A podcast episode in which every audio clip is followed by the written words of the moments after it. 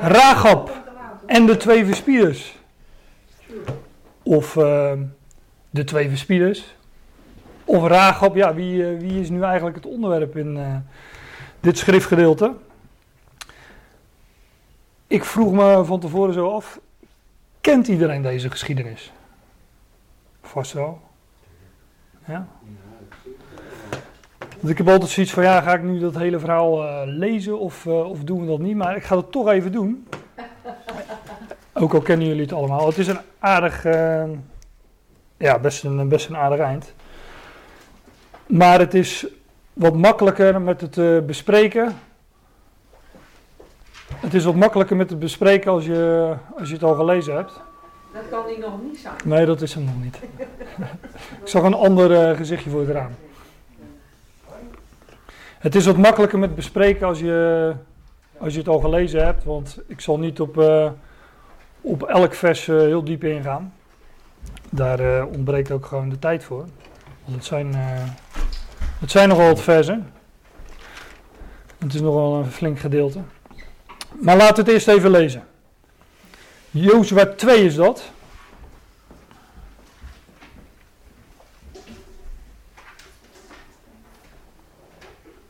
Jozua nu, de zoon van Noen, had twee mannen die heimelijk verspieden zouden. Gezonden van Sittim, zeggende, gaat heen, bezichtig het land en Jericho.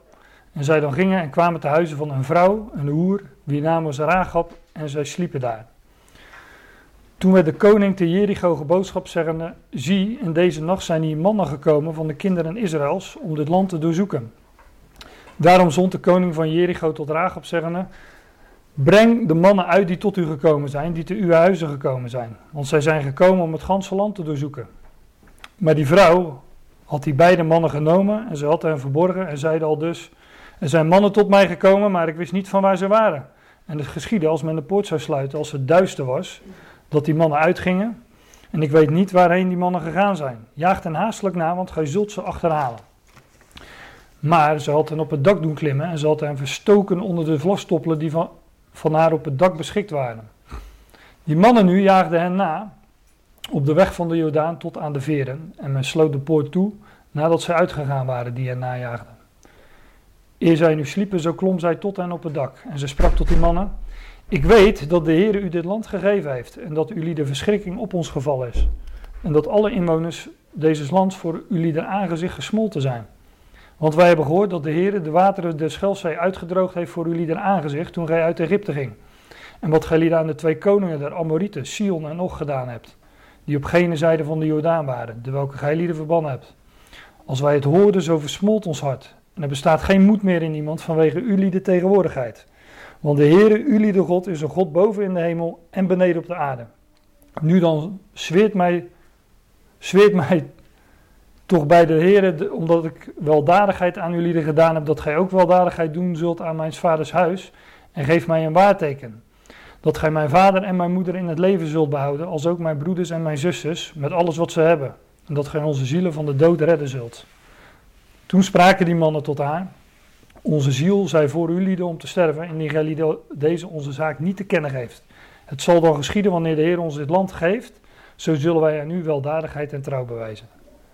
Zij liet hen dan neder met een zeel door het venster, want haar huis was op de stadsmuur, en zij woonde op de muur. En zij zeiden tot hen, tot hen, gaat op het gebergte, opdat niet misschien de vervolgers u ontmoeten, en verbergt u al daar drie dagen, totdat de vervolgers wedergekeerd zullen zijn, en gaat daarna u weg. Ook zeiden die mannen tot haar, wij zullen onschuldig zijn van deze uw eed die gij ons hebt doen zweren. Zie, wanneer wij in het land komen, zo zult gij dit snoer van scharlaken draad aan het venster binden, door het welk gij ons zult nedergelaten hebben. En gij zult tot u in het huis verraden uw vader en uw moeder en uw broeders en het ganse huisgezin uw vaders. Zo zal het geschieden, al wie uit de deuren van uw huis naar buiten gaan zal, zijn bloed zij op zijn hoofd. En wij zullen onschuldig zijn. Maar al wie bij u in het huis zijn zal, diens bloed zij op ons hoofd, indien uw hand tegen hem zijn zal. Maar indien gij deze onze zaak te kennen zult geven, zo zullen wij onschuldig zijn van uw eed die gij ons hebt doen zweren. Zij nu zeiden, het zij al zo, naar uw woorden. Toen liet zij hen gaan en ze gingen heen. En zij bond een schalaken snoer aan het venster. Zij gingen heen en kwamen op het gebergte en bleven al daar drie dagen totdat de vervolgers wedergekeerd waren. Want de vervolgers hadden hen op al de weg gezocht, maar niet gevonden. Alzo keerden die twee mannen weder en gingen af van het gebergte en voeren over en kwamen tot Jozua, de zoon van Noen. En zij vertelden hem al wat hun wedervader was. En zij zeiden tot Jozua, zekerlijk, de Heer heeft het ganse land in onze handen gegeven, want ook zijn al de inwoners van het land voor onze aangezichten gesmolten. Ehm, even met dit uh, ICT-probleempje dealen. Morgen weer een dag. um, ja, dat is nogal een, uh, een lang verhaal. Zoals ik al aangaf. En het is ook wel een, uh, een bijzonder verhaal. Kijk, wij, uh, wij, wij lezen die verhalen en of we lezen ze voor aan onze kinderen of het komt tot ons. Um, maar als je gewoon objectief naar dit verhaal kijkt, dan heeft het natuurlijk geen grote invloed gehad op de wereldgeschiedenis wat hier gebeurt. Dus je zou je kunnen afvragen, waarom, waarom staat zoiets nou in de Bijbel? Ik bedoel, uh, als we Jozua, wat is het, vijf of zes, als we Jozua zes niet hadden gehad, de verwoesting van Jericho, ja, dan uh, hadden we ook, uh, dan hadden we ook zoiets gehad van, ja, Kijk, die twee, deze twee geschiedenissen hebben natuurlijk verband met elkaar. De verwoesting van Jericho en, uh, en het verhaal van Raag en die twee verspieders. Maar mochten we, het, uh, mochten we het niet hebben, zouden we het ook niet, uh, niet missen. Het heeft geen grote invloed gehad op de geschiedenis van de, deze, deze wereld, maar ook niet, echt, ook niet op de geschiedenis van Israël. Hoewel, ik plaats een voetnootje voor, voor straks, daar kom er straks nog op terug. En uh, je zou je kunnen afvragen, waarom heeft Jozua überhaupt verspieders uitgezonden? Als je hoofdstuk 1 vers 3 leest, dus bij mij uh, één bladzij uh, terug, daar zegt God, alle plaats, elke plaats waarop jullie de voedsel treden zal, heb ik u gegeven. Zoals ik tot Mozes, dus dat was al lang geleden, zoals ik tot Mozes gesproken heb. Dus het land was al lang beloofd aan het volk. Dus hoezo zou dat land nog verspied moeten worden?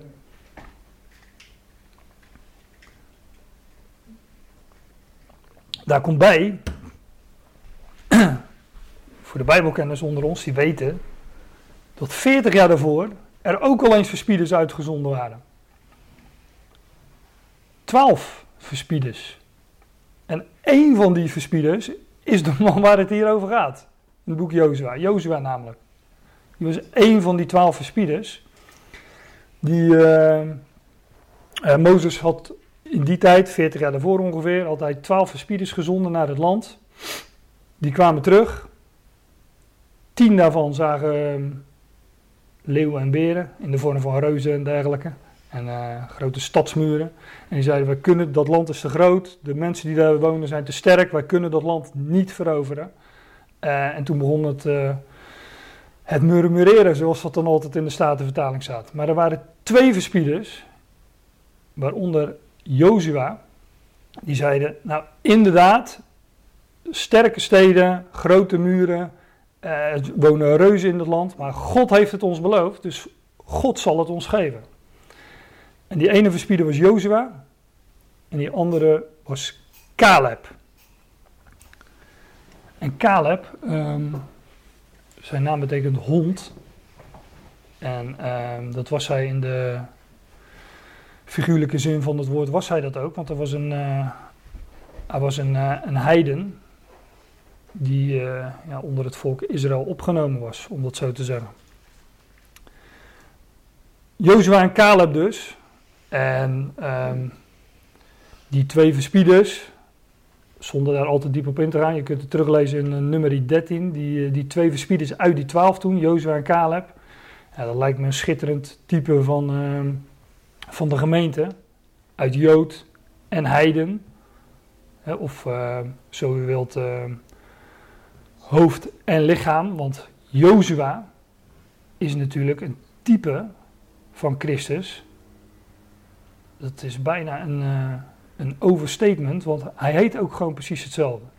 De naam Jozua, Joshua, Jozua, is gewoon de, is, is, is exact dezelfde naam als het Griekse Jezus.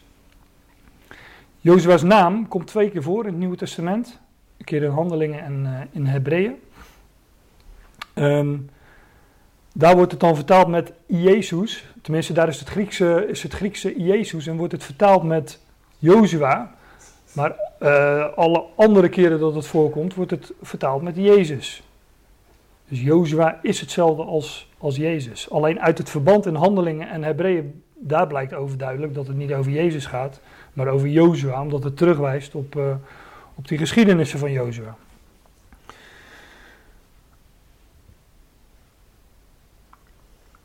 Handelingen 7 is dat en uh, Hebreeën 4. De exacte versen weet ik niet, maar die, die kun je zelf ook, uh, ook vinden.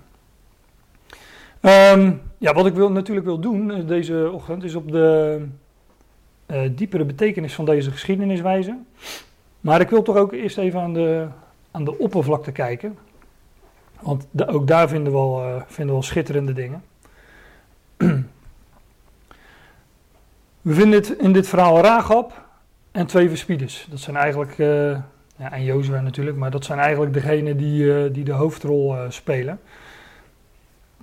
Nou, Ragab is een, een hoer. Zo wordt ze vrijwel altijd genoemd, ook zo in de Bijbel. Ragab de hoer. Zo vaak dat je denkt van nou, zo, zo kan die wel weer. Maar ze wordt meestal, meestal genoemd Ragab de hoer. Um, de naam Rahab. Ja, ik moet een beetje, ik moet een beetje grijnzen als ik, het, als ik het ga vertellen. Maar de naam Rahab betekent zich openen of wijd maken. Uh, ik heb gisteren de studiebijbel nog even op, op, op, op nageslagen. Ruimte maken. Ruimte maken, wijd maken of zich openen. Ja, dat kan je natuurlijk heel figuurlijk opvatten, zoals ruimdenkend. dat zal ze ook ongetwijfeld geweest zijn, anders kies je niet zo'n beroep, denk ik. Maar je kunt het natuurlijk ook uh, heel letterlijk opvatten. En, uh, en dan weten we allemaal waar het zich openen of uh, wijd maken over gaat. ja, ze deed voor haar beroep nu eenmaal haar benen wijd. En, ja, dat klinkt wat plat, maar en, misschien dat sommige mensen zich daaraan aan zullen stoten. Maar dat is het nu eenmaal. Dus de vraag is natuurlijk ook of dit haar echte naam was of dat het een, een wat spottende bijnaam geweest is. Dat weet ik niet, maar in de Bijbel wordt ze in ieder geval bij deze naam genoemd. En uh, ze, wordt bijna altijd Raag op de Hoer genoemd. ja, en ook haar naam verwijst naar, naar wat zij deed. Maar blijkbaar was dat geen probleem. Um, want deze Rahab die vinden we in, uh, in Jozua, in Jozua 2 en natuurlijk ook in Jozua 6 bij de, uh, bij de verwoesting van, uh, van Jericho. Maar we vinden haar naam nog een, nog een aantal keren in de schrift. En die wil ik wel graag even met jullie snel doornemen, opzoeken. de eerste is Matthäus 1. Ja, ik zei al, ik plaats een deze geschiedenis van Raagap en de twee verspieders, kun je van zeggen van ja, wat voor invloed heeft dat nu gehad op de, op de wereldgeschiedenis of wat, wat enger toegepast op de geschiedenis van, uh, van Israël. Maar deze Raagap, die vinden we in Matthäus 1 bij de aanvang van het Nieuwe Testament in het, uh, wat er bij mij boven staat, het geslachtsregister van, van Jezus Christus. Eigenlijk is het meer een lijst van, van troonopvolgers. In, uh, in vers 5 staat: En Salmon gewon Boos bij Ragab. En Boos gewon Obed bij Rut. En Obed gewon Jesai. Het is wel grappig om dat zo te lezen, want dan zie je hoe dicht het allemaal op elkaar zit. Hier staat dat um, later is blijkbaar. Uh, Salmon getrouwd met Rahab en heeft zij een kind gekregen die uh, Boas heette. Boas staat er in de Statenvertaling. Maar die Boas die kennen we natuurlijk uit de geschiedenis van Rut. De losser was dat, de losser van, uh, van Rut. Staat er ook, een Boas gewon Obed bij Rut. En Obed gewon Jesai, dat is Isaïe, en dat is de vader van David. Dus dat zit allemaal uh, vrij kort op elkaar. En nu ik hier toch ben uh, in, uh, in Matthäus 1, vers 3. Ik denk daar eh, nog straks nog wel aan toe te komen. Om eh, voor de hand liggende redenen, voor, de, voor de Bijbelkennis. Daar staat Juda gewon Fares en Zara bij Tamar. En Fares gewon Ezrom en Ezrom gewon Aram. Hier staat Judas gewon Peres en Zera, staat er in eh, Genesis. Hier is het, omdat het eh, wordt dat dan eh, iets anders eh, teruggezet in het Nederlands. Maar Juda gewon Peres en Zera bij Tamar. en ik wilde bijna zeggen dat was ook een hoer. Maar dat was natuurlijk niet zo. Maar ze deed wel alsof. Maar daar komen we straks eh, nogal op. Want die geschiedenissen die hebben ook wel weer met elkaar te maken. Die van de Raagop en de twee verspieders en Juda en Tamar. Nou, ik blader eh, door naar eh Hebreeën 11. De lijst met ehm, geloofshelden. De galerij van gelovigen. Voorbeelden uit het Oude Testament staat er in mijn Bijbel boven.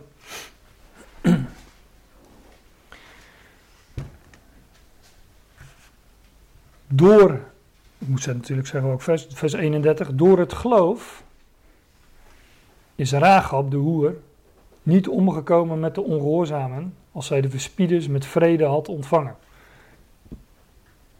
Eh, letterlijk staat er zoiets als in geloof. In geloof is Rahab de hoer niet omgekomen met de ongehoorzamen als zij de verspieders met vrede had ontvangen. Dus ook hier eh, komt zij weer terug. Hier wordt ze trouwens ook eh weer Rahab de Hoer genoemd. Jacobus 2. Is de laatste, laatste vers waar zij voorkomt.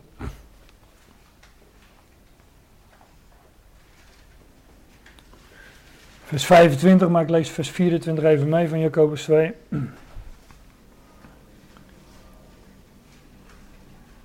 Ziet gij dan nu dat een mens uit de werken gerechtvaardigd wordt en niet alleen uit het geloof? Ja, dit is Jacobus, hè, dit is niet Paulus. Ik, ehm, ik ga het ook niet nu hebben over de verschillen of eh, eventuele overeenkomsten tussen Jacobus en Paulus. In ieder geval is deze Jacobusbrief geschreven aan de twaalf stammen in de verstrooiing, 1 vers 1. Dus daar zit er wel het accentverschil, in ieder geval accentverschil in, om het zo te zeggen. En daar had onze, daar had, eh, daar had Maarten Luther had daar, eh, had daar wat moeite mee. Zijt gij dan, ziet gij dan nu dat de mens uit de werken gerechtvaardigd wordt en niet alleen uit geloof? En desgelijks ook graag op de hoer, is zij niet uit de werken gerechtvaardigd geweest als zij de gezonde heeft ontvangen en door een andere weg uitgelaten? Nou, als u het mij vraagt, eh, lazen we zojuist eh, in Hebreeën 11 van de apostel Paulus. Dat is natuurlijk eh, niet te bewijzen, maar omdat zijn naam er niet boven staat. Maar dat Rahab door geloof gerechtvaardigd is. En hier staat dat zij uit de werken gerechtvaardigd eh, is geweest. Nou, in ieder geval zullen, dat dus, als we die dingen combineren, werken vanuit geloof zijn geweest. Zij, zij geloofde, zij geloofde in de God van Israël en daar handelden zij naar. En ik wil dan ook uh, die geloofsbeleidenis van, uh, van. Dat wil ik als eerste eens met, met jullie doornemen voordat we een uh, steekje dieper gaan, om het zo te zeggen, naar de typologische betekenis van deze geschiedenis gaan kijken. In, uh, in Jozua 2 dus. En dan komen we met, terecht in vers 9. Nieuwe Testament zegt, Rahab was een gelovige, dat zegt, dat zegt het dus meerdere keren, dat zegt Hebreeën, dat zegt uh, Jacobus. En zij was, uh, wij vinden haar in het geslachtsregister van, ja, van de Heer Jezus Christus, als heidense vrouw hè, die, die geloofde. Nou, en zij doet in dit hoofdstuk, we hebben het zojuist gelezen, doet zij getuigenis, ze geeft een getuigenis van haar geloof, ze geeft een geloofsbeleidenis, heel wat mooier dan die van... Hoe heet die dingen ook weer? Er zijn altijd wel mensen die dat, die dat weten. Heel mooier dan die van Nicea of... Had er nog zo een, een hele bekende. Athanasius. Anas, niet Anastasius, maar Athanasius, toch? Ja. Al die moeilijke woorden. Nee, maar die. eh, maar le- le- lees goed wat die, wat die vrouw zegt, het- Rahab. Zij sprak tot die mannen, vers 9. Ik weet dat de Heer, dat Yahweh, u dit land gegeven heeft. En dat u lieden, dat jullie verschrikking op ons gevallen is. En dat alle inwoners van dit land voor jullie aangezicht gesmolten zijn. Gesmolten van angst. Want wij hebben gehoord, ze hadden het gehoord, dat de Heere, dat Yahweh, de wateren van de Schelfzee uitgedroogd heeft voor jullie aangezicht. Ze wisten dus wat God gedaan had toen, ze, toen God dat volk Israël door, eh, ja, door die Schelfzee liet gaan. De wateren gespleten, zodat het volk Israël daar kon doorgaan. Toen, je, toen jullie uit Egypte gingen. En wat, je, en wat, wat gij wat jullie aan de twee koningen der Amorieten, Sion en Och gedaan hebt. Nou, die mogen jullie zelf opzoeken. In mijn eh, Bijbel staan de tekstverwijzingen erbij.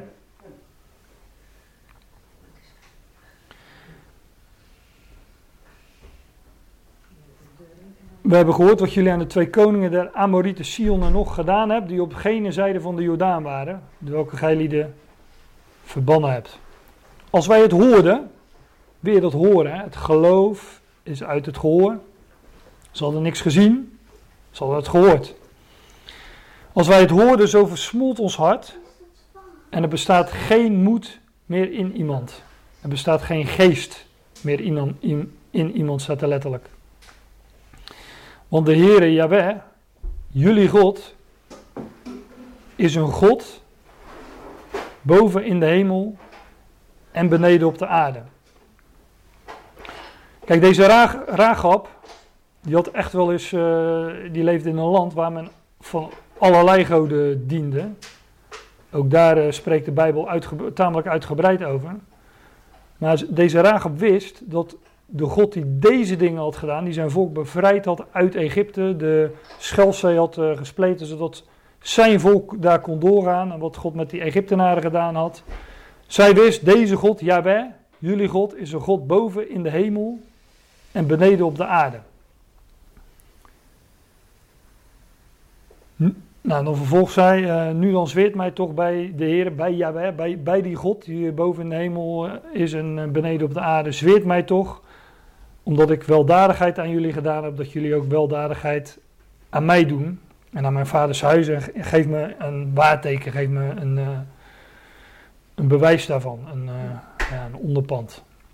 Dat gij mijn vader en mijn moeder in het leven zult behouden, dus ook mijn broeders, mijn zussen, met alles wat ze hebben. En dat gij onze zielen van de dood zult redden. Zij wist dus, dat hele land heeft God aan Israël gegeven. Uh, ja, dat is nog een verhaal op zich, maar die volkeren, die wisten dat God dat land aan Israël had gegeven en die wilden zich niet laten verdrijven. Als ze gewoon weg waren gegaan, was er uh, niet zo heel veel aan de hand geweest, maar omdat ze bleven, moest, moesten ze gedood worden. Dat ga ik nu niet bewijzen, ga ik ook niet toelichten, maar dat is, dat, dat is vanuit de schrift uh, makkelijk aan te tonen.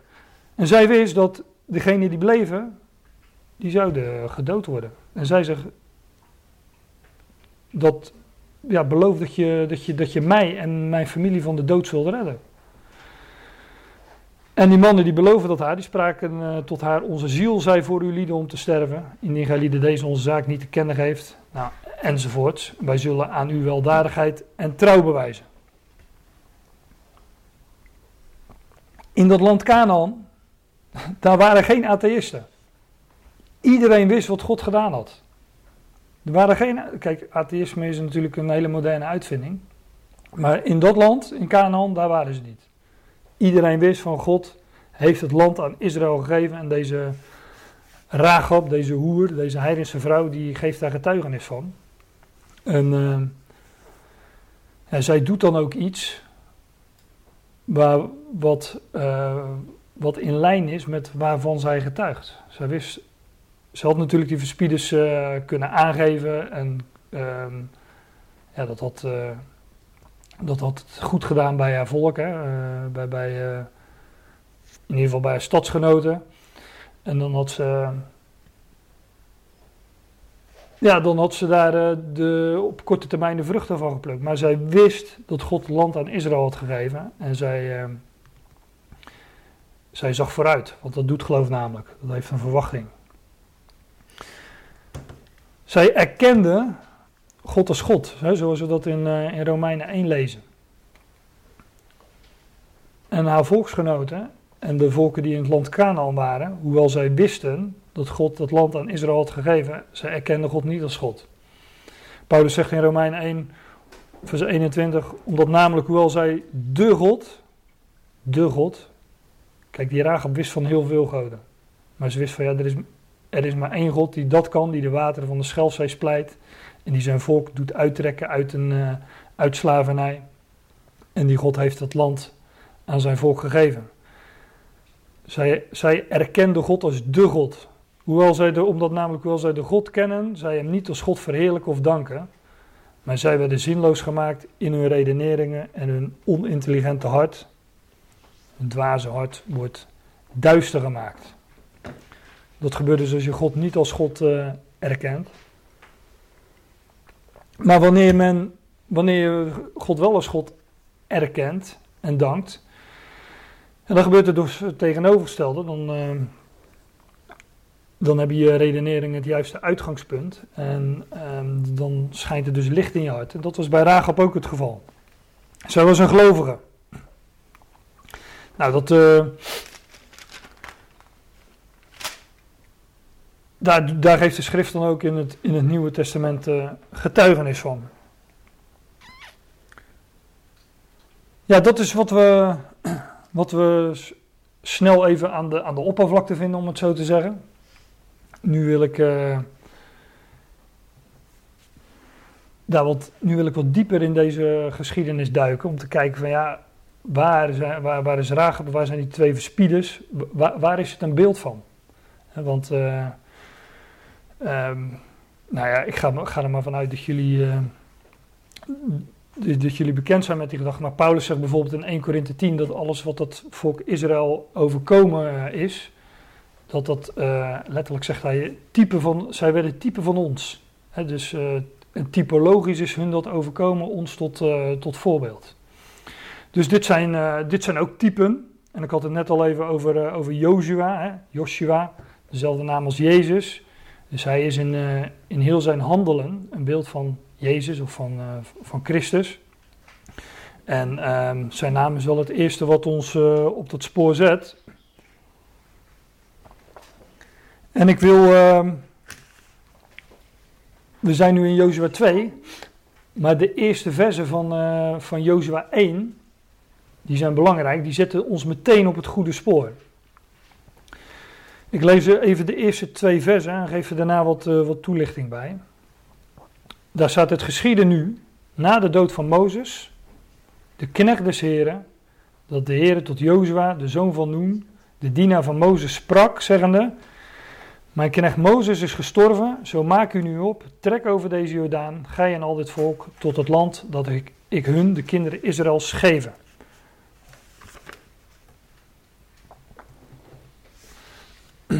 De het gebeurt, wat we hier beschreven vinden in Jozua, geschiet na de dood van Mozes.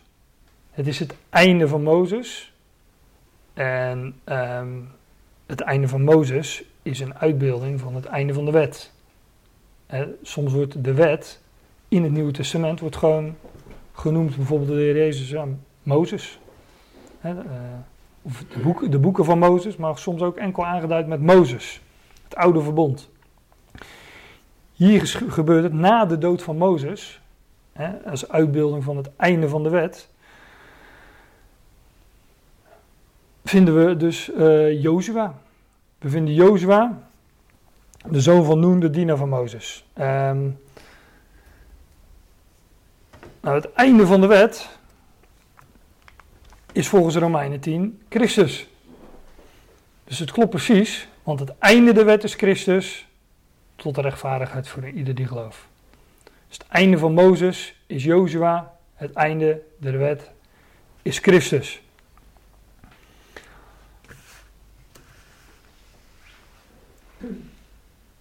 Dan staat er in vers 2, mijn knecht Mozes is gestorven. Nogmaals, als we de ene gemist hebben, dan, uh, dan krijgen we de andere. Dan staat er in de vertaling, zo maak u nu op. Tenminste in mijn statenvertaling. Nou, ik zeg altijd, uh, de meeste mannen maken zich niet op. Maar het vindt ook wel een gemiste kans van de Statenvertaling. Want elk, dat, je vindt dat heel vaak. Maak u nu op of maak u op. Maar letterlijk staat er gewoon sta op. Mijn knecht, mijn dienaar Mozes is gestorven. Jozua, sta op. dus het einde van de wet, ja, dat is de opstanding van Jozua. Het einde der wet is Christus. Dat is, Christus is de opgewekte. Dus het einde van de wet is de opstanding van Christus. take over, hè, pass over in het Engels, is ook, is, is ook gewoon een term voor overspringen, overgaan van het een in het ander, van dood naar opstanding. Ik zou er van alles over kunnen vertellen over Pasen, maar dat is nu het onderwerp niet. Maar dat, dat heeft er allemaal ook mee te maken. Hè? Pasen, opstanding. Ja, en de Jordaan, steek over, trek, trek over deze Jordaan. Ja, de Jordaan is nu eenmaal een beeld van de dood. dat, uh, de doodsjordaan is een, uh, een, term die we vaak in liederen terugvinden. Nou, het doorgaan door de doodsjordaan is een beeld van dood en opstanding. In het volgende hoofdstuk doet het volk Israël uh, dat ook, Jozua 3. Misschien dat we het dan daar eens volgende keer eens over moeten hebben. Maar alles wijst hier op, uh, op opstanding. Hè, sta op, steek over, de Jordaan. Het gebeurt ook nog op de derde dag overigens. Vers 11 lees je dat. Van hoofdstuk 1. Binnen nog drie dagen zult gij lieden over deze Jordaan gaan. Dus opstanding op de derde dag, het doorgaan door de doodsjordaan. De dood van Mozes, de opstanding van Jozua. Ja, als je het mij vraagt, dan uh, is het uh, is de Tony wel meegezet voor, uh, met betrekking tot dit boek Jozua. En daar gaat het dus over, over de opgewekte Christus. Um, de opgewekte Christus, Jozua als beeld van de opgewekte Christus die zijn volk leidt in de belofte. En ik hoop dat jullie die ook, uh, die dubbelzinnigheid daarin ook wel uh, ook opvatten.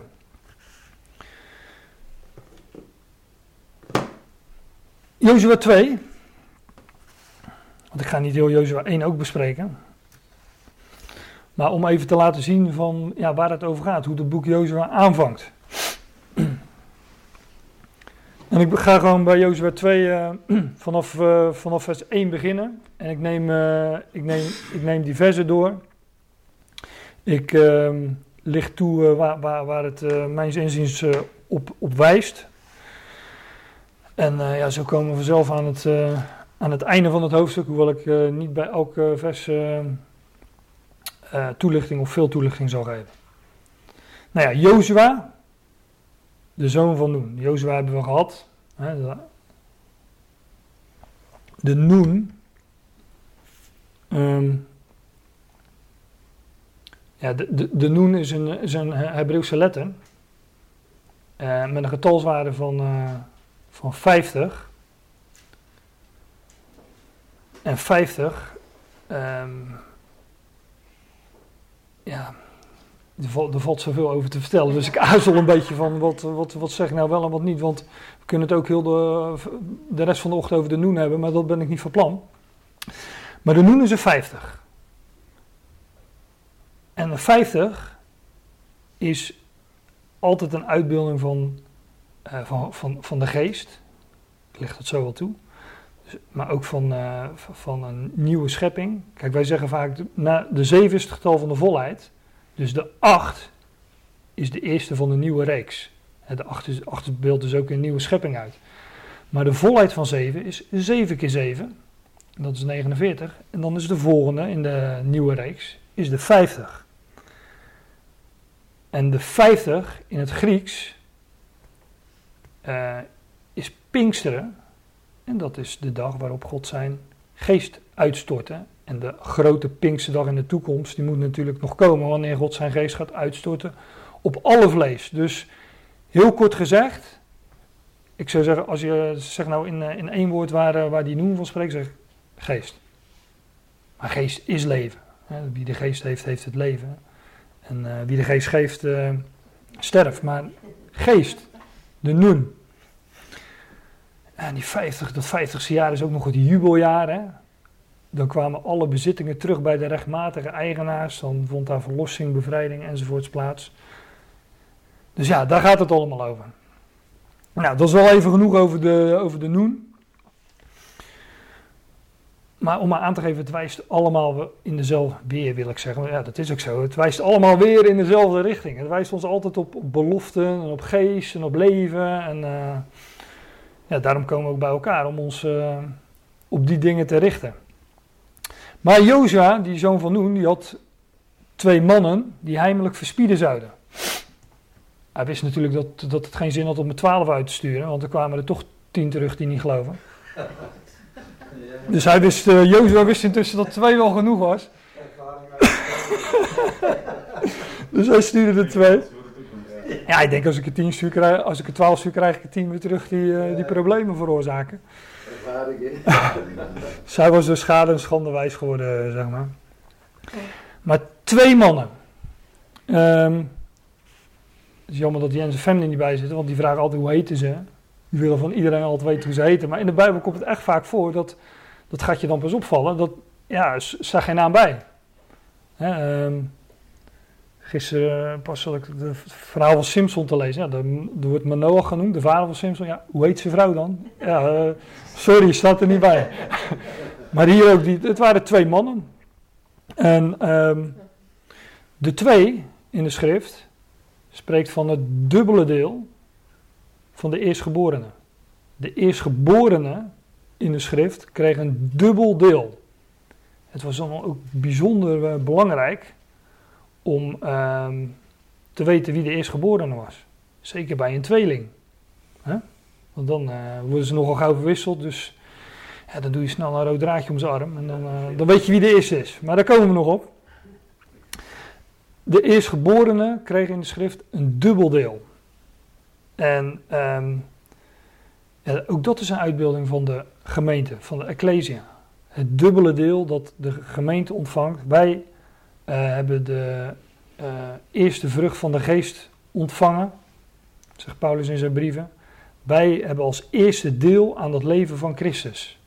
Dus wij zijn de eerstgeborenen. Dat was verborgen. Ja, dat staat hier ook overigens, daar kom ik zo wel op. Dat was verborgen, want uh, ja, voor, als je gewoon de schrift neemt zoals hij zich aandient aan de oppervlakte, dan denk je van ja, dat is Israël. Maar ja, die is geboren, daar wordt nogal wat in gewisseld. Ook, ja, als je het boek Genesis kent, dan weet je dat degene waarvan je denkt dat is hem, die is er dus per definitie niet. Dat begint al heel vroeg, maar ja, bijvoorbeeld bij uh, Isaac en Ismaël is niet degene die het eerstgeboren, eerstgeboren wordt, de eerstgeborene, als jullie begrijpen wat ik bedoel. Jacob en Esau, hè, niet Esau, maar Jacob. Uh, daarna wordt het wat lastiger natuurlijk met, uh, met die twaalf zonen. Niet Ruben, ook niet Juda, maar. Ja, nee, niet Benjamin. Jo Jozef. Jozef. Maar, niet Jozef. Eigenlijk ging het over het hoofd van Jozef, ging het weer naar zijn zoon Ephraim. Maar ook Ephraim was niet de oudste. Dat was Manasse. Dus dat wordt telkens omgewisseld. Nou, dat is dus een principe wat we in de schrift. Uh, ja, daar gaat heel het boek Genesis zo'n beetje over. Dus dat. Uh, maar dit, dit, deze twee mannen. Die. Uh, ze hebben ook geen twee namen, omdat ze gepresenteerd worden als eenheid. Het is een eenheid met een dubbel deel. Nou, dat, dat is de Ecclesia. Meerdere leden weliswaar, maar een eenheid. Eerstgeboorterechts ontvangen een dubbel deel, namelijk een erfenis in de hemel en op aarde. We zullen met Christus regeren als het lichaam van Christus over hemel en aarde. Ik ga snel verder. Um, die twee.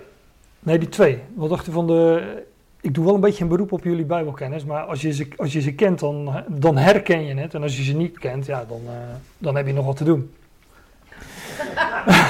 ja. ja, dat moet wel.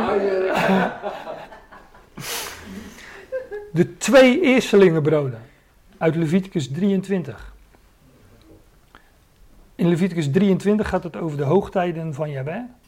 En de eerstelingen garven, dus de eersteling schoof, is enkelvoud, is een uitbeelding van Christus. Hij is de eerste.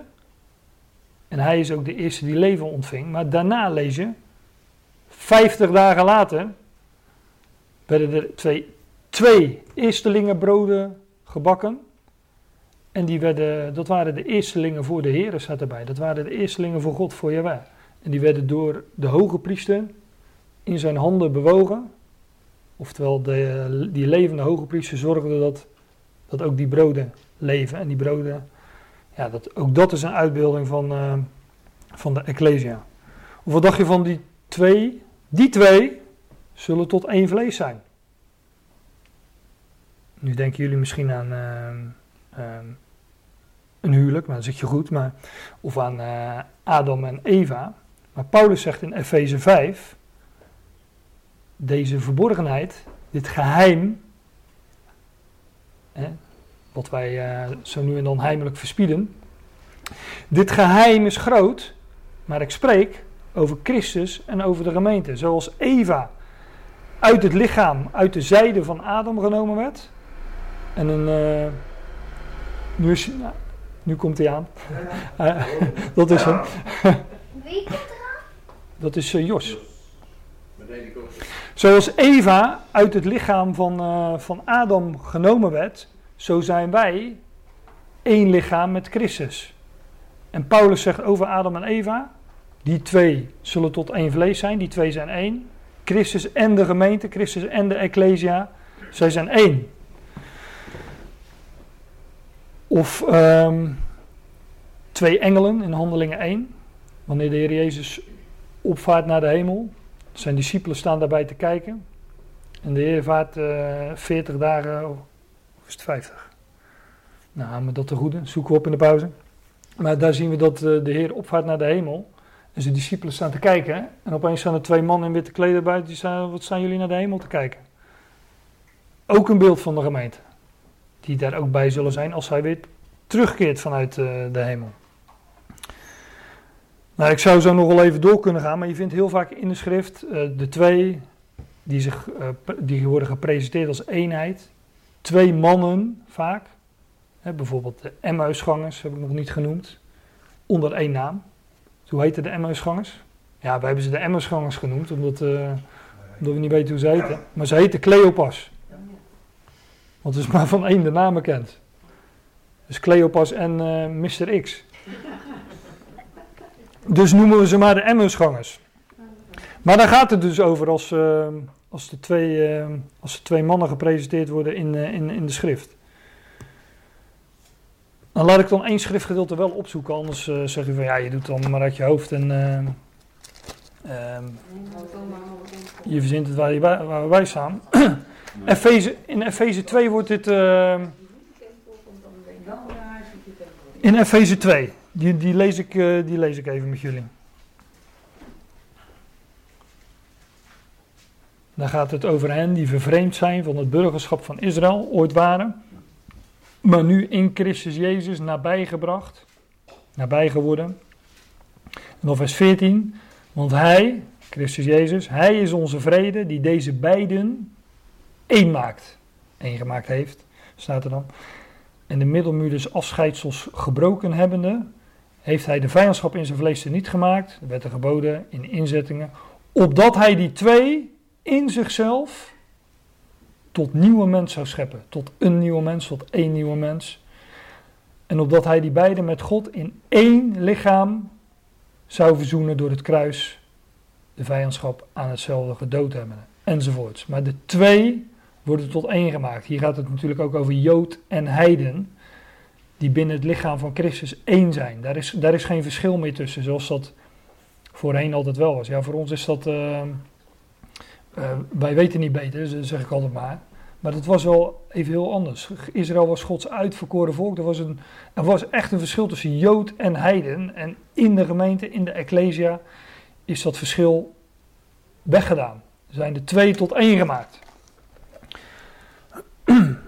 Dus die twee spreekt van het dubbele deel, maar ook van uh, uh, de, ja, de Ecclesia uit twee. Die uit twee is samengesteld uh, tot één. Dus tot één gemaakt. Goedemorgen. Kom verder, doe je jas uit. Goedemiddag. Ja, nou dat nog net niet. Maar die, uh, die deze, deze twee mannen, deze twee verspieders, Hoe jij dat? komen. Deze twee verspieders komen als eerste, en let op, dit is ook dubbelzinnig. Deze twee verspieders komen als eerste in de beloofde erfenis. Zij hebben als eerste deel aan wat hen beloofd was. Zij zijn als eerste, zijn ze de Jordaan overgestoken, zijn ze in dat land gekomen. Ook natuurlijk een beeld van de gemeente. Eerstelingen, wij ontvangen de. Wij zullen ook als eerste delen in het onvergankelijke leven. wat, wat, wat wij zullen ontvangen. Hij, de eersteling, hebben we het over gehad bij 1 Korinthe, toen we het over 1 Korinthe 15 hadden. Hij, de eersteling, is opgewekt met onvergankelijk leven. En wij als Ecclesia zullen als eerste daarin delen, als eerstelingen. Na, en daarna zal een hele grote oogst, uh, oogst volgen. Um, nou, ik maak dit vers even af en dan gaan we pauzeren. George is precies op tijd voor de koffie.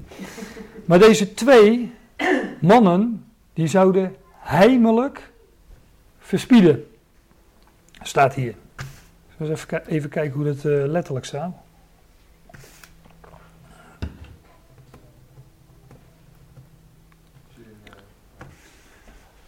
Spionerende in stilheid. Hè, maar ja, ik heb en ik altijd maar denken dat als je spioneert, dat je dat altijd heimelijk doet.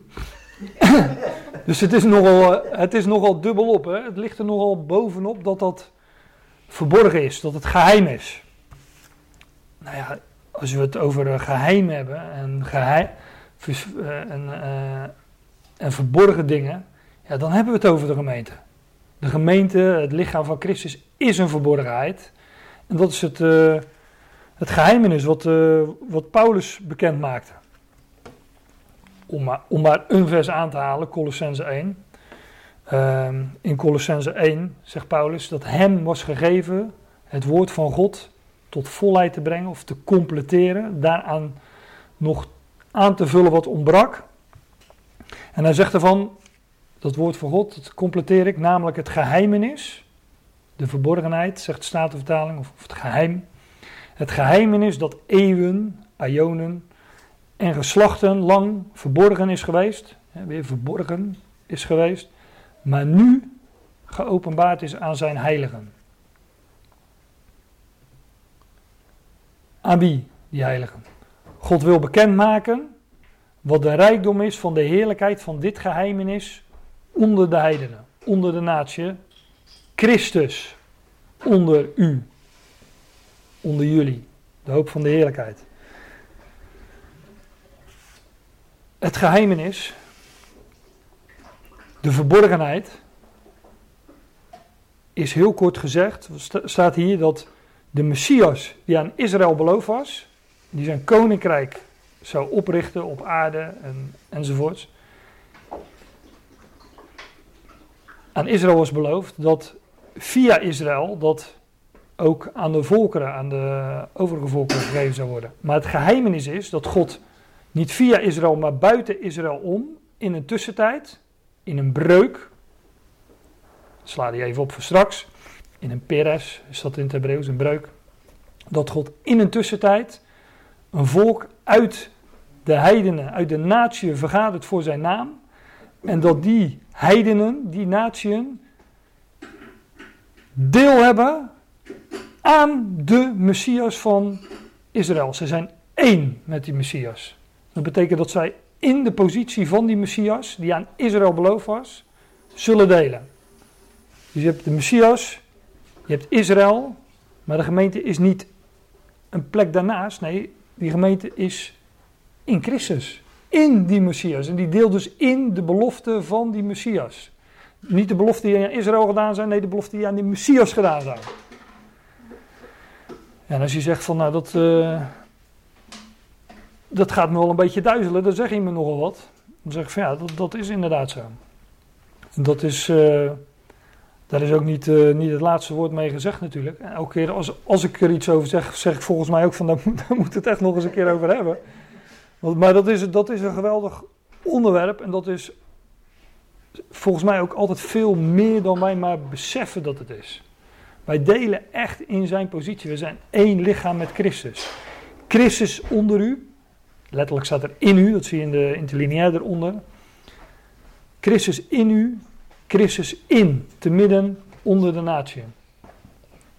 Even niet, ik ben bijna klaar, hè? dan is pauze. Ja? Nou, dat is dat geheimenis. En daarvan van de gemeente uit Jood en Heiden, van zij, die twee mannen die dat dubbele deel ontvangen, daar zijn die twee mannen in, uh, in Jozua 2 een, uh, een, type, een beeld van. Um, ik zit even te kijken. Nee, ik, uh, we gaan pauze houden, want het is, het is de hoogste tijd. En het is ook een prima moment om, om pauze te houden. En ik hoor daar een amen. Oh nee, yes. We gaan weer verder. Want uh, hoofdstuk heeft 24 versen en we zijn in uh, vers 1. ja, dus we gaan, uh, we, gaan een beetje, we gaan wel wat tempo maken. En we waren gebleven in vers 1 bij de twee mannen die heimelijk verspieden zouden. Als uitbeelding van, van de Ecclesia, van de gemeente. En... Um, ik schrok al, ik denk, is dat mijn laptop? um, ja, en ik heb uh, geprobeerd in ieder geval om te laten zien dat, uh, dat die twee mannen die heimelijk verspieden zouden een beeld zijn van de gemeente uit Jood en Heiden. Uit de twee, de twee tot één gemaakt. Het dubbele deel, en dat heimelijk verspieden, dat het wijst op, uh, op het geheimenis, de verborgenheid, die we zo vaak vinden in de brieven van de apostel Paulus. Nou, zij zouden heimelijk verspieden. Zij werden gezonden van Sittim. En degene die bij de studies uh, waren over de tabernakel, die weten nog dat, uh, dat de tabernakel, uh, het hout wat daarin werd gebruikt, werd gemaakt van Sittimhout. Dan zegt de, de, de MBG-vertaling acacia-hout. Omdat ze vinden dat dat het enige hout is wat in de woestijn groeide. Maar er staat gewoon Sittimhout. En er is dus ook een plaatsje dat Sittim heet. Maar dat hout, hout is een, uh, een product dat uh, voortkomt uit de aarde en uh, houdt dus ook verband met het, met het oude leven. En dat hout in de tabernakel, daar zag je niks meer van, want dat werd overtrokken met goud. Of eventueel koper. Maar hout werd overtrokken met goud. Dat allitereert lekker in het Nederlands natuurlijk. Maar dat hout is eigenlijk gewoon, uh, hoe zeg ik dat netjes? Troep. He, want kijk, als je dit woord beziet, hout, shitim, het lijkt toch wel heel veel op dat Engelse woord uh, shit inderdaad. Gelukkig zegt iemand anders het. maar dat plaatsje dat, uh, waar, uh, waar het hier over gaat, heet, wordt ook wel Abel Shittim zie je ook in, in het Engels, hè? Shittim. Abel Shittim uh, genoemd. En Abel betekent ook zoiets als leeg of ijdel. Nou, shit, Shittim heeft dus alles met, um, met het Engelse woord ja, shit te maken. Dus uh, wij zouden zeggen um, het afscheiden. Het afscheiden van dingen. Van, uh, van dat wat niet, wat niet bruikbaar is. En uh, scheiden met een lange ei en de D in een T verandert, dan, uh, dan weten we allemaal waar het over gaat. dus dat. En daarom moet het ook overtrokken worden met goud, want het is vergankelijk. Daar gaat het maar om.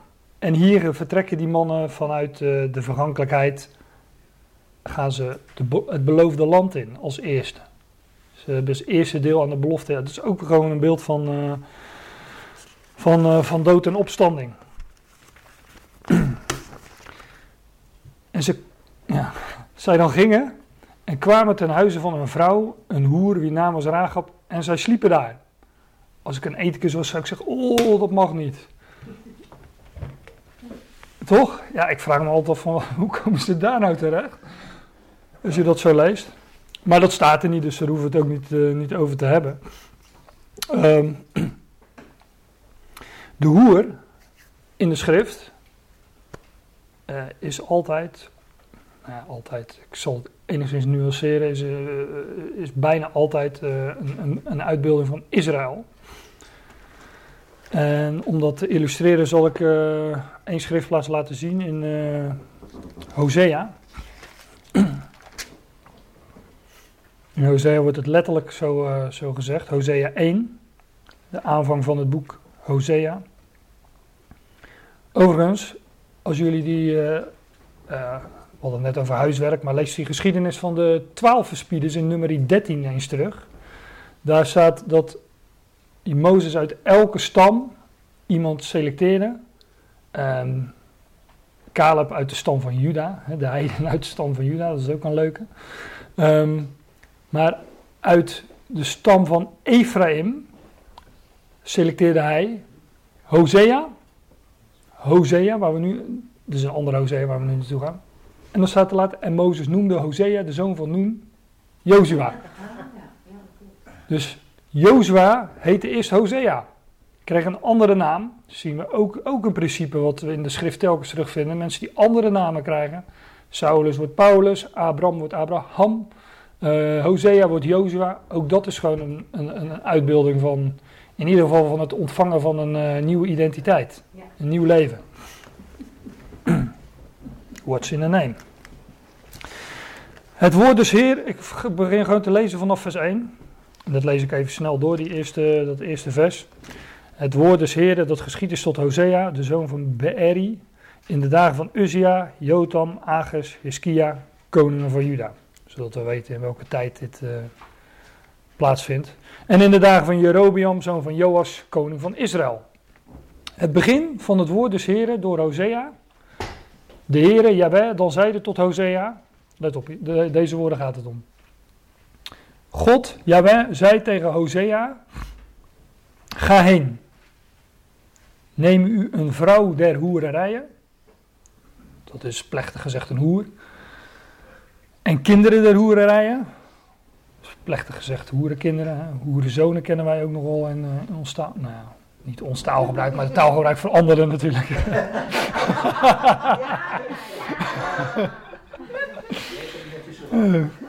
ja, ik moet me in allerlei bochten wringen vanmorgen. En uh, ik, ben nog, ik ben nog niet klaar ook. Uh, ja, ja. ja, ik heb het onderwerp zelf gekozen. Ja, dan zei tot Hosea, ga heen Neem u een vrouw der hoererijen, een hoer en kinderen der hoererijen, want het land, Israël, hoereert ganselijk van achter den heren. Dat ganselijk hoereren is een Hebreïsme, hoereert hoererende, staat er. Maar Hosea, Jabez zegt tegen Hosea, neem een vrouw. Ik, ik leg het nu uit, hè. Hosea zegt, neem een vrouw, een hoer, want mijn vrouw is dat ook. Dat is wat hier gezegd wordt. God zegt tegen Hosea, Hosea neem een hoer, want jij bent een uitbeelding van mij. En die hoer is een uitbeelding van het land, van het volk, Israël. Want het land hoereert ganselijk van achter den Heer. Dus omdat het land hoereert, moest Hosea een vrouw nemen, een hoer. En uh, ja, daar kinderen mee krijgen. Die kinderen zijn natuurlijk een uitbeelding van de geslachten van Israël. Maar hier wordt dus gewoon ronduit gezegd dat het land hoereert en dat uh, de hoer een uitbeelding is van dat land dat hoereert, namelijk van Israël, zeg ik dan even. Dat is nog wat uh, smaller toe te passen, maar um, voor deze ochtend is dat in ieder geval genoeg. De hoer is een, uh, een uitbeelding van Israël. Um, ik ben dan weer terug in Jozua 2. Als gelovige is natuurlijk een uitbeelding van het gelovige deel van het volk Israël. Gelovige overblijfsel, zo u wilt. En zij sliepen daar. in de nacht dus, blijkbaar. Maar daar kom ik straks nog wel op. toen werd de koning te Jericho, ik ben al in vers 2, toen werd de koning te Jericho geboodschap zeggende, zie, in deze nacht zijn hier mannen gekomen van de kinderen Israëls om dit land te doorzoeken. En Jericho is een uitbeelding uh, van deze wereld. En uh, daar zijn dan twee verspieders die heimelijk aan het verspieden zijn. Ja, dat is ook, we hadden het, zojuist even over, dat, dat is ook wat wij doen. Wij zijn verborgen voor deze wereld, maar wij delen in, in de Christus. En wat doen wij? Wij verspieden heimelijk ons beloofde land. Dat wat ons beloofd is, onze belofte, ja, die verspieden wij heimelijk. He, dat heeft de, buiten de, de wereld heeft daar geen weet van. Die denken dat zijn een stelletje gekken die daar uh, bij elkaar gaan zitten in een huiskamer of, of, of waar dan ook. En dat gedoe met die Bijbel en, nou, enzovoort. Het zegt ze gewoon niets. Maar wij, ja, wij, wij onderzoeken, wij verspieden de verborgenheden, de geheimenissen die, die ons toevertrouwd zijn. Onze erfenis, ons lotsdeel. Dat woord erfenis in de schrift. Um, de erfenis uh, die wij ontvangen, maar die ook Israël hier ontvangt. Want door, aan, de, aan de hand van Jozua, onder leiding van Jozua, ging het volk uh, het land innemen. Maar uh, ja, dat was hun gegeven. Dat was erfenis, is dan de vertaling, maar dat was hun lotsdeel. Dat was hun door God gegeven. En je leest ook in het boek Jozua zijn hele hoofdstukken lang waarin uh, al die gebieden van dat beloofde land toegewezen worden aan de diverse stammen en de grenzen daarbij ook aangegeven worden. Nou, wij hebben geen aards lotsdeel zoals Israël, maar een hemels lotsdeel. En ook dat is dan iets wat we ja, in, uh, in de brieven van Paulus terugvinden. Dit is Efeze, Efeze 3. In Efeze 3 legt Paulus uit wat het geheimenis inhoudt. Wat die verborgenheid. Pardon. Komt door die appeltaart, denk ik.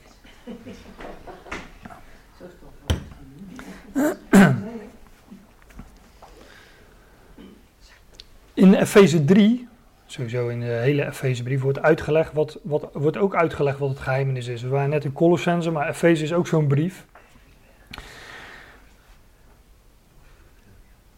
Daar staat in Efeze 3, vers 6. Als Paulus uitlegt wat het geheimenis inhoudt, zegt hij namelijk dat de heidenen, de natieën, mede-erfgenamen zijn. Voor mij is het uh, Statenvertaling of herzienen. Mede-erfgenamen zijn en tot hetzelfde lichaam behoren en mede-deelgenoten zijn van de belofte in Christus Jezus door het evangelie. De natieën zijn mede-lotbezitters. Dat sun, zie je in al die woorden terugkomen waar hier, waar hier staat mede. Mededeelhebbers, mede tot het lichaam behorende, mede-lotbezitters. Is zoiets als samen. Sun samen. Wij zijn mede-erfgenamen. Ja, wij zijn samen lotbezitters. En we behoren, behoren samen tot het lichaam, tot hetzelfde lichaam. En we zijn samen deelhebbers van de belofte in. In Christus Jezus.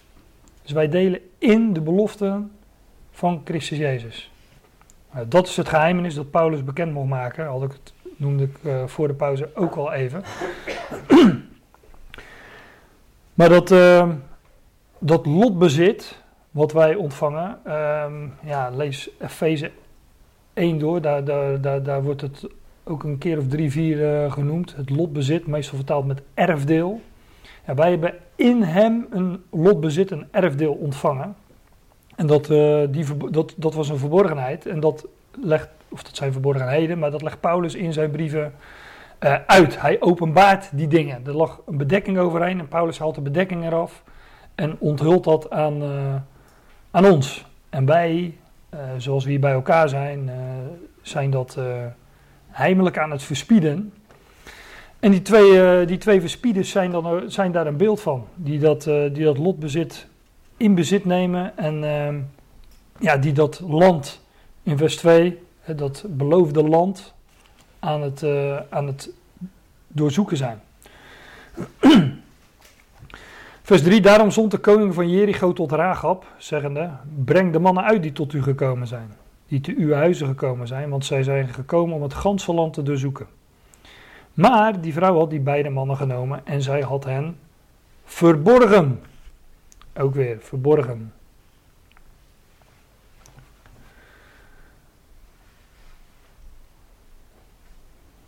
En zij, zei, zij zeiden al dus, er zijn mannen tot mij gekomen, maar ik wist niet, ook verborgen dus.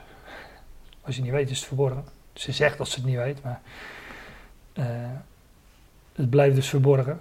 Maar ik wist niet van waar ze waren.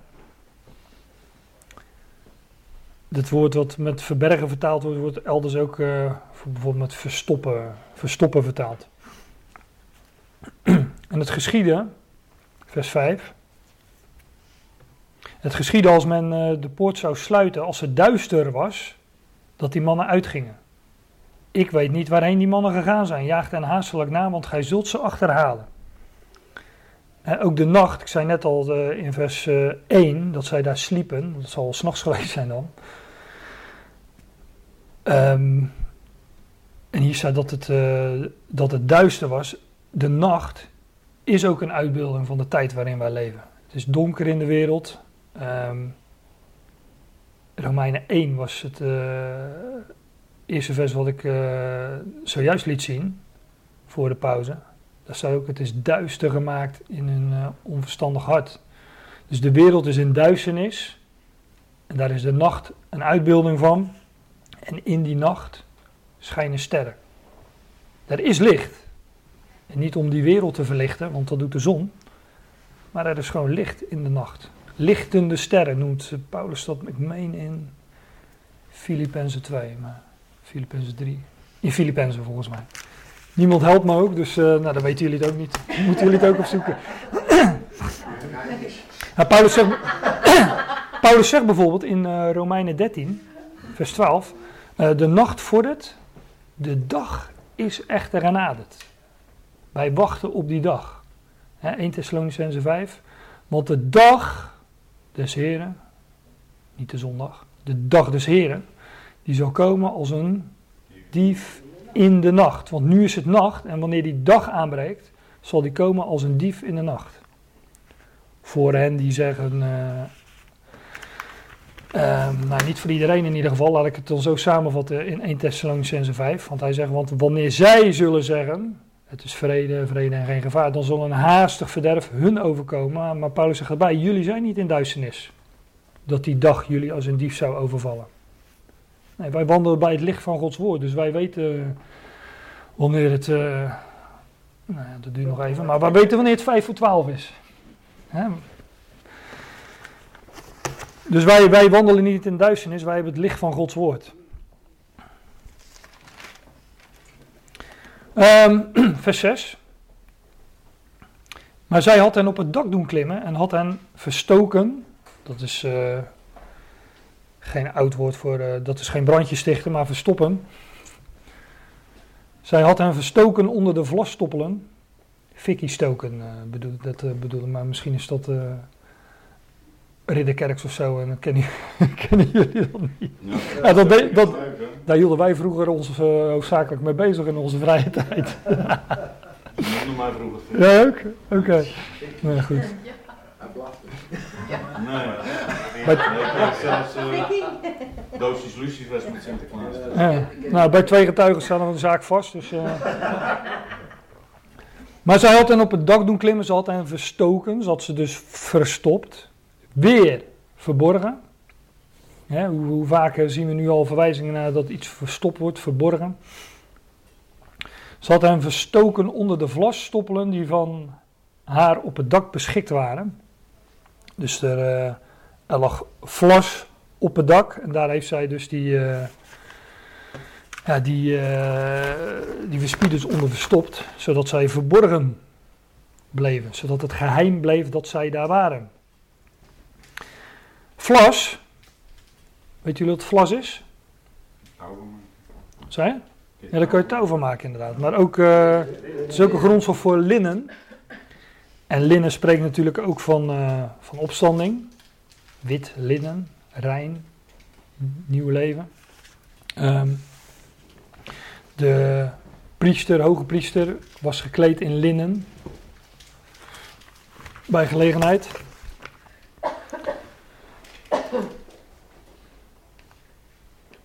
In Lucas 24 lezen we dit. Peter stond op, snelde naar het graf, het graf van Jezus.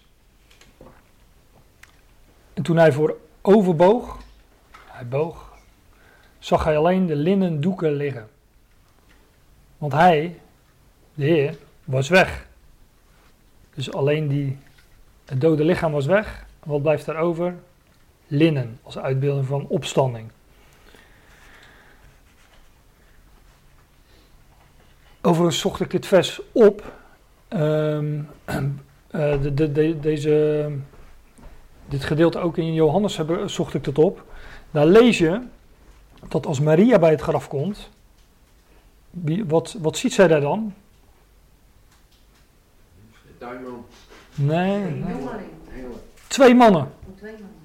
Engels, Engels staat er dan, twee boodschappers. Eén waar de Heer zijn hoofd had gelegen. En één aan zijn, uh, bij zijn voeten. Zie daar weer hoofd en lichaam. Vertegenwoordigd in twee mannen. Linnen dus als beeld van, uh, van opstanding. En uh, dit vers, daarna goot hij water in de waskom, begon de voeten van de discipelen te wassen en af te drogen met de linnen doek die hij om zijn middel had. Waar staat dit? Weten jullie dat?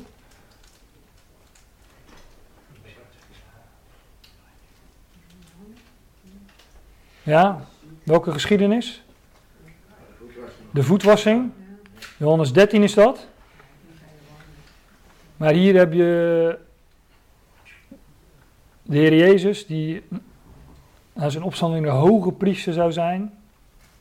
En die voert hier de hoge priesterlijke taak uit door met een linnen doek de voeten van de discipelen te wassen. En waar vond het plaats? In de opperzaal. Inderdaad. In, uh, maar waar zijn we in uh, Jozua 2? Op het dak. Ja, dat is ook een opperzaal. Ja, zonder overkapping, maar het is, het is wel. Uh, het is wel boven. Het is wel boven inderdaad. In de penthouse, zeg maar. Een afdakje voor de regen. En dat droogt het niet. Pent, de penthouse, pent, penta, is ook een vijf, hè? Ik heb uitgeprobeerd te zoeken hoe men aan die term penthouse is gekomen, maar dat heb ik niet kunnen vinden. Dan zeg ja, dat, ja, dat zou kunnen, ja. De vier hoeken en, en boven. Maar uh, ja, vijf en dan in zo'n. Uh, wat het, het, is altijd gesitueerd op een, uh, op, op, op, op een flatgebouw of een, hoog gebouw. Dus het is altijd daar in de hemel. Ja, dat moet toch dat, dat moet zo'n oorsprong hebben, denk ik dan. Maar ik, ik ben er niet achter gekomen. Maar zij waren hier op het dak. Hè, en de Heer was in de opperzaal met zijn discipelen. En ook dat principe, dat vinden we vaak in de schrift. Ik heb uh, gewoon met de concordantie wat van die uh, geschiedenissen opgezocht. De Elia wekt een dode zoon op van de weduwe van Zarfat in een opperzaal. Ja, waarom? Ja, omdat dat een, uh, een, een, uitbeelding is van wat, wat, wat, wat Christus nu doet. Zijn, hij, geeft, hij geeft ons leven. Hij is zelf de opgewekte. En dat vindt, dat vindt allemaal plaats daar ergens boven in de hemel. Daniel bad in een opperzaal. Dat is ook een opperzaal waar hij aan het bidden was. Dat ze uh, waar ze hem later op uh, gepakt hebben, zeg maar. Um, kennen jullie Eutychus? Eutychus, Eutychus. Ja, die viel uit het raam. Maar zijn naam betekent zoiets als... Uh, ui is volgens mij mooi of. Ja, goed. Betekent zoiets als ge, gelukshebber, geluksvogel. een gelukkige. Handelingen 20. Uit Zat in het venster. Paulus sprak, voerde zijn reden uit tot middernacht, ook weer in de nacht. Beeld van onze tijd. Eutychus werd overvallen met een diepe slaap. Ik zal u geven een geest van diepe slaap. En uh, nou dat, dat is ook weer Paulus in Romein, maar dat gaat over Israël. Israël, op het moment dat Paulus spreekt tot de natie, is Israël met een diepe slaap overvallen en dood. Want hij viel uit het raam en hij viel dood neer. Nou, Paulus ging even kijken bij uh, Eutychus. En die zei van, nou dat komt wel weer goed. We gaan gewoon verder. En toen gingen ze weer naar de... Toen gingen ze, ja, nou ja, dat zijn mijn eigen woorden, maar lees het maar na in Handelingen 20. Lees het maar na. Paulus ging daarna gewoon weer naar boven en hij ging verder met zijn, uh, met zijn toespraak. En met het delen van verborgenheden en geheimenissen. En Eutychus die lag daar beneden ergens dood. En uh, zij waren middernacht in een opperzaal met veel licht. Staat er allemaal. Als uitbeelding van onze tijd. Duister in de wereld, in de opperzaal, in de hemel, daarboven. Daar is veel licht, daar schijnt zijn woord. En Eutychus, ja, die is dood. Die is overvallen met een diepe slaap. Maar de volgende ochtend uh, is hij er gewoon weer bij, want dan leeft hij weer. Dus nadat Paulus vertrokken is, dan uh, is uh, Eutychus weer in het land der levenden. Als uitbeelding van Israël. Die uh, nu terzijde zijn gesteld. Dood. Hè, want ja, bijvoorbeeld in Ezekiel 37, daar lees je dat ze in de toekomst uit hun graven zullen komen. Israël wordt ook echt in de schrift als dood beschouwd. Of overvallen met een diepe slaap, maar ja, wat, wat is het verschil in de praktijk? Maar dat gebeurt dus allemaal in opperzalen. Nou, hier gebeurt dat op het dak. Gaan we, gaat uh, in, uh, in uh, Jozua 2.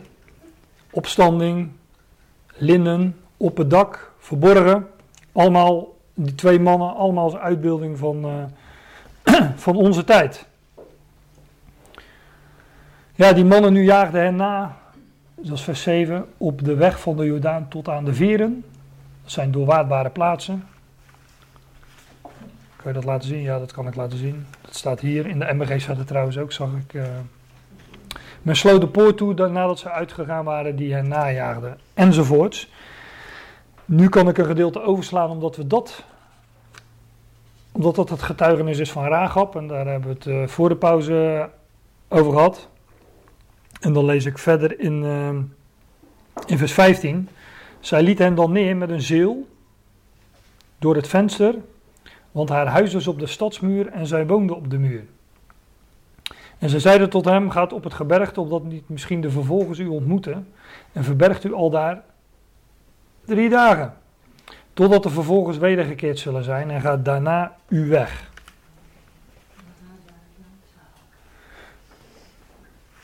Zij worden dus door, uh, door met een zeel, we zullen, laten, we zullen laten zien wat het precies was. Ze worden door het venster uh, gelaten. En Ragab zegt, gaat op het gebergte. Opdat niet misschien de vervolgers u ontmoeten. En verbergt, weer verberging, weer verborgenheid.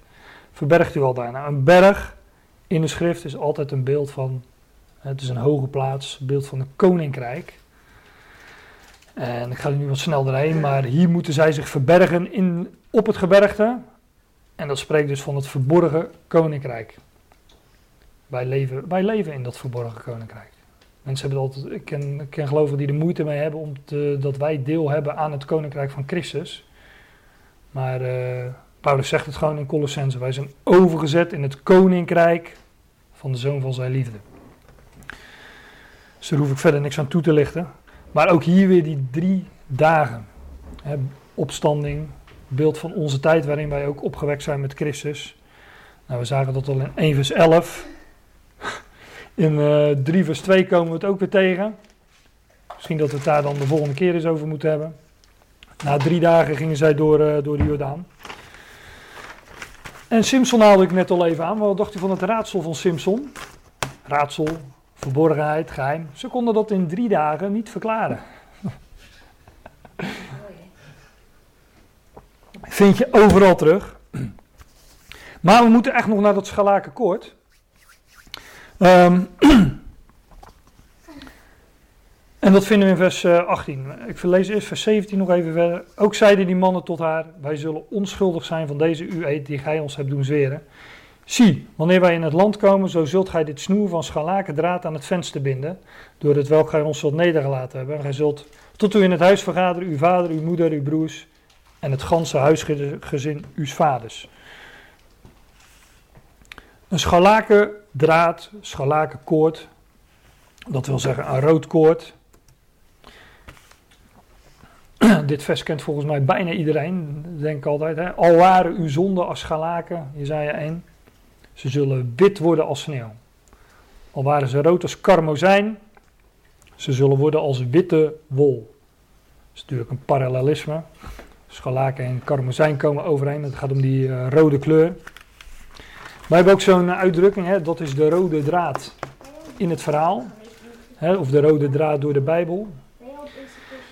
Um, ik, daar heb ik ook van proberen uit te zoeken wat nou de achtergrond daarvan is. Ik denk dat het gewoon uit de schrift komt. Hè, dat, het, dat het komt, maar men heeft daar allerlei andere theorieën ook over.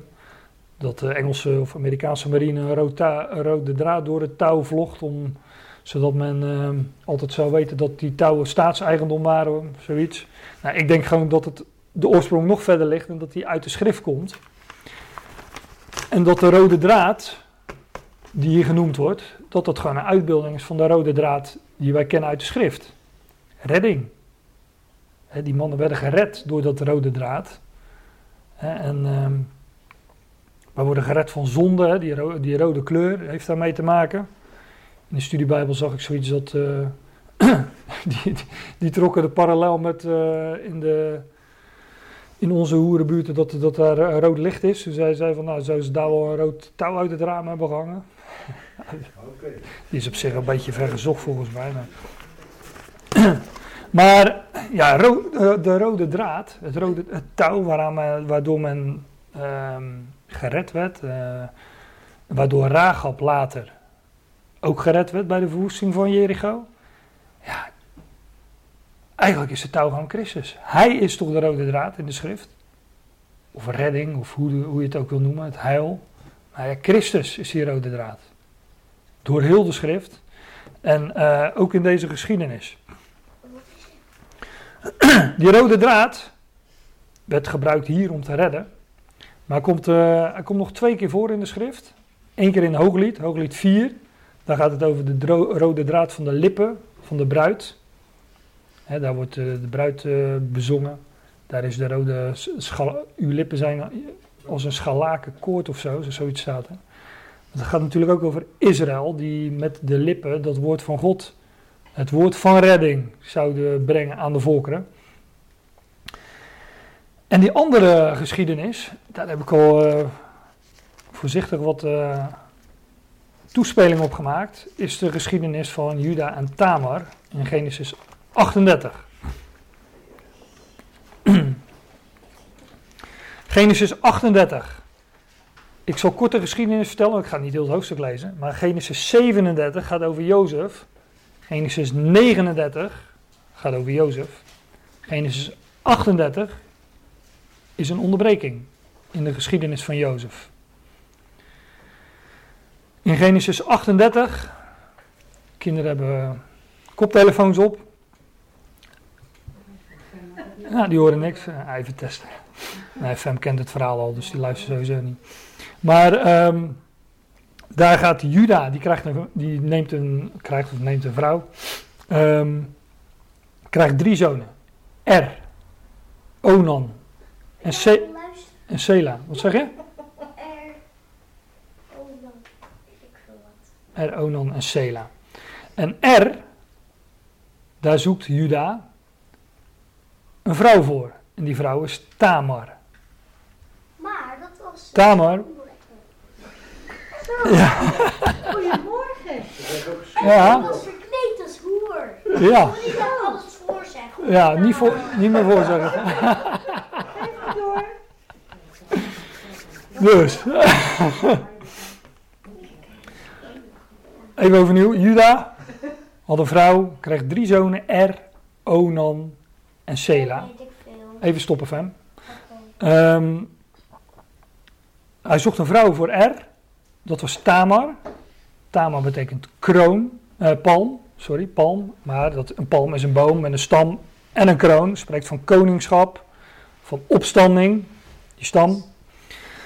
Ehm, maar Er, die deugde niet. Ik zeg het even in mijn eigen woorden. Maar Er die deugde niet, dus hij werd gedood door God.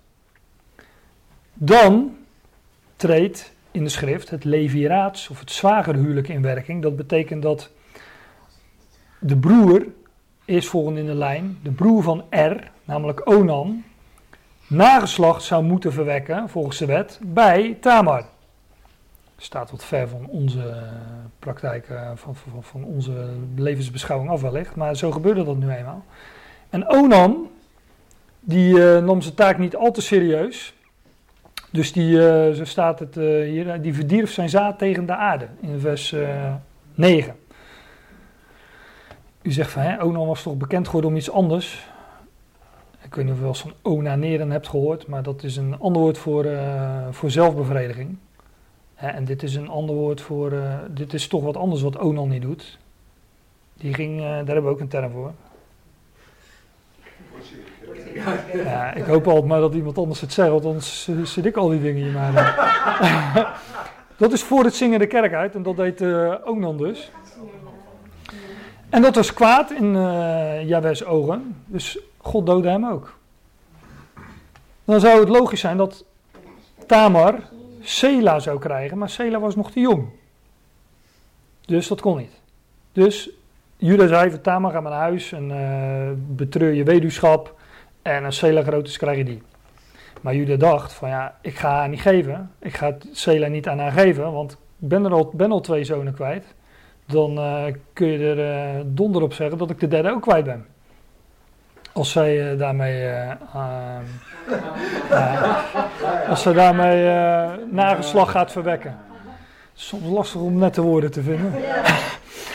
dus, maar op een gegeven moment zag Tamar dus dat Sela groot geworden was en dat ze hem niet kreeg. En toen dacht ze van ja, maar dan ga ik wat anders verzinnen om nageslacht te, te krijgen, want er moest nageslacht komen. Zij wist dat Juda, haar schoonvader, uh, schapen ging scheren in Timna. Dus wat deed Tamar? Ze ging langs de weg zitten. Heb ik een plaatje van. Ze ging langs de weg zitten en verkleedde zich als hoer. Zij verkleedde zich als hoer. U zegt van, hè, hoeren die hebben al toch zo weinig mogelijk aan. Nou ja, blijkbaar hier niet, hè, want anders zou ze, snel, zou ze ook snel herkend zijn. Maar ze bewond zich ook met een sluier, staat er uh, in dit gedeelte. En uh, Juda had blijkbaar, uh, was wel in voor een verzetje. Dus ze had gemeenschap met deze hoer.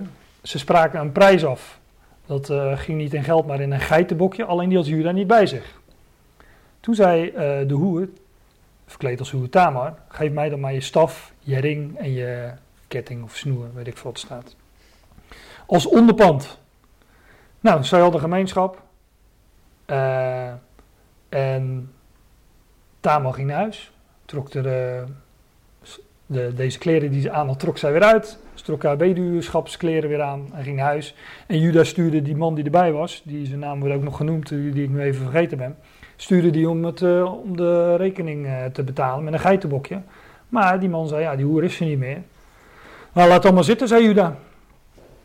Maar, drie later, niet drie dagen, maar drie maanden, want bij een zwangerschap duurt het wat langer. Drie maanden later was duidelijk dat Tamar zwanger was.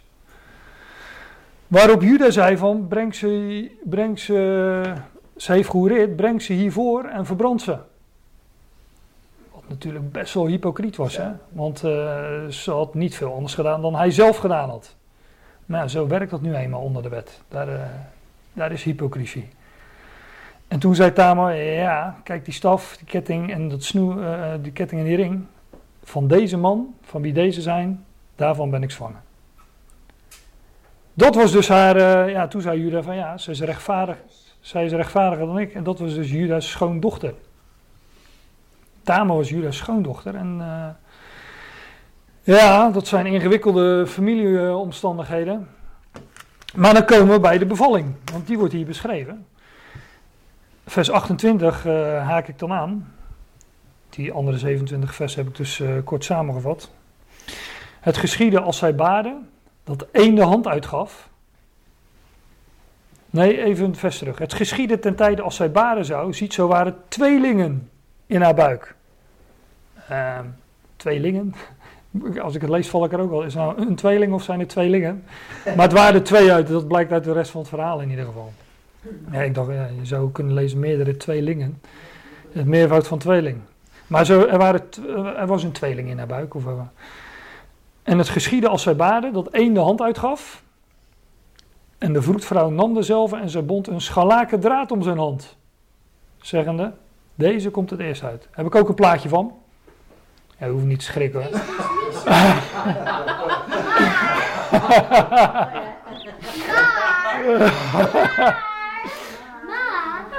Ik heb echt eh, gezocht naar eh, plaatjes. Dit was echt de enige die ik kon vinden. Om zeer voor de hand liggende redenen. maar, ehm, je, moet ik het, ik hoef dit toch niet uit te leggen, want nee, Fem begreep het ook toen ik het liet zien. Dus, eh, ja, die, Ik wil het zeggen. nou, doen we straks even, ja. Want ik moet een beetje voortmaken, want ik zit al in blessuretijd. Nee, nu. Nee. Dus ehm, de vroedvrouw, de verloskundige, zeg maar, die eh, nam een, eh, een draad en bond die om de hand. En dit is dus eh, ja, een van de weinige plaatsen waar het scharlaken koord, scharlaken draad voorkomt. En hier wordt het gebruikt om de eerstgeborene aan te wijzen. Dat geeft al een duimpje. Ja, maar hier wordt het dus, aange- hier wordt het dus, dus gebruikt om de eerstgeborene aan te wijzen. En daar hebben we het al over gehad, hè? het eerstgeboorterecht, het dubbele deel. Nou, ik lees even verder. Maar het geschiedde als hij zijn hand intoog, dus hij trok zijn hand weer in. Zo kwam zijn broer uit. Dus die andere, die kwam eerst. Deze, niet die, maar die. En toen zei die eh, verloskundige, die vroedvrouw, hoe zijt gij doorgebroken? Op u is de breuken. En men noemde zijn naam Peres. En dat betekent breuk. Nou, ik lees even verder. Daarna kwam zijn broeder uit, wiens hand een draad was. En men noemde zijn naam Zera.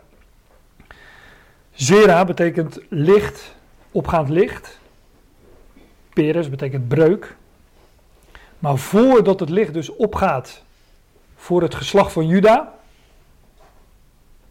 voordat het licht op zal gaan voor het geslacht van Juda, is daar de breuk. Is daar de breuk in Gods handelen met Israël, is daar de breuk ja, die de apostel Paulus beschrijft. Het geheimenis, de verborgenheid, een tussengeschoven periode. Ja, en daarna zal het. eh, daarna, zal, daarna zal natuurlijk dat licht alsnog opgaan voor, eh, voor Juda en voor het nageslacht van Juda. Maar eerst is daar die breuk. En eh, in die breuk zijn daar eh, ja, die twee mannen die, die heimelijk verspieden, die het beloofde land verkennen. En die zijn een uitbeelding van ons als gemeente. Dus dat schalakenkoord, dat spreekt van redding en van eerstgeboorterecht. Maar die twee hebben natuurlijk ook veel met elkaar te maken, want de eerstgeborene wo- wordt als eerste gered. En dat is ook in ons geval natuurlijk eh, de zaak. Het gaat van Israël naar de twee verspieders en het gaat van Israël ja, naar, de, naar de Ecclesia, naar de gemeente. En ik denk dat ik. ehm, ja, ik ga het hierbij laten. Want eh, er valt nog veel meer over te zeggen, maar eh, daar had ik ook nog wel wat dingen over willen zeggen, maar dat eh, bewaren we gewoon voor een andere keer. Zo de Heer wil en wij leven en de tijd ons wordt gegeven.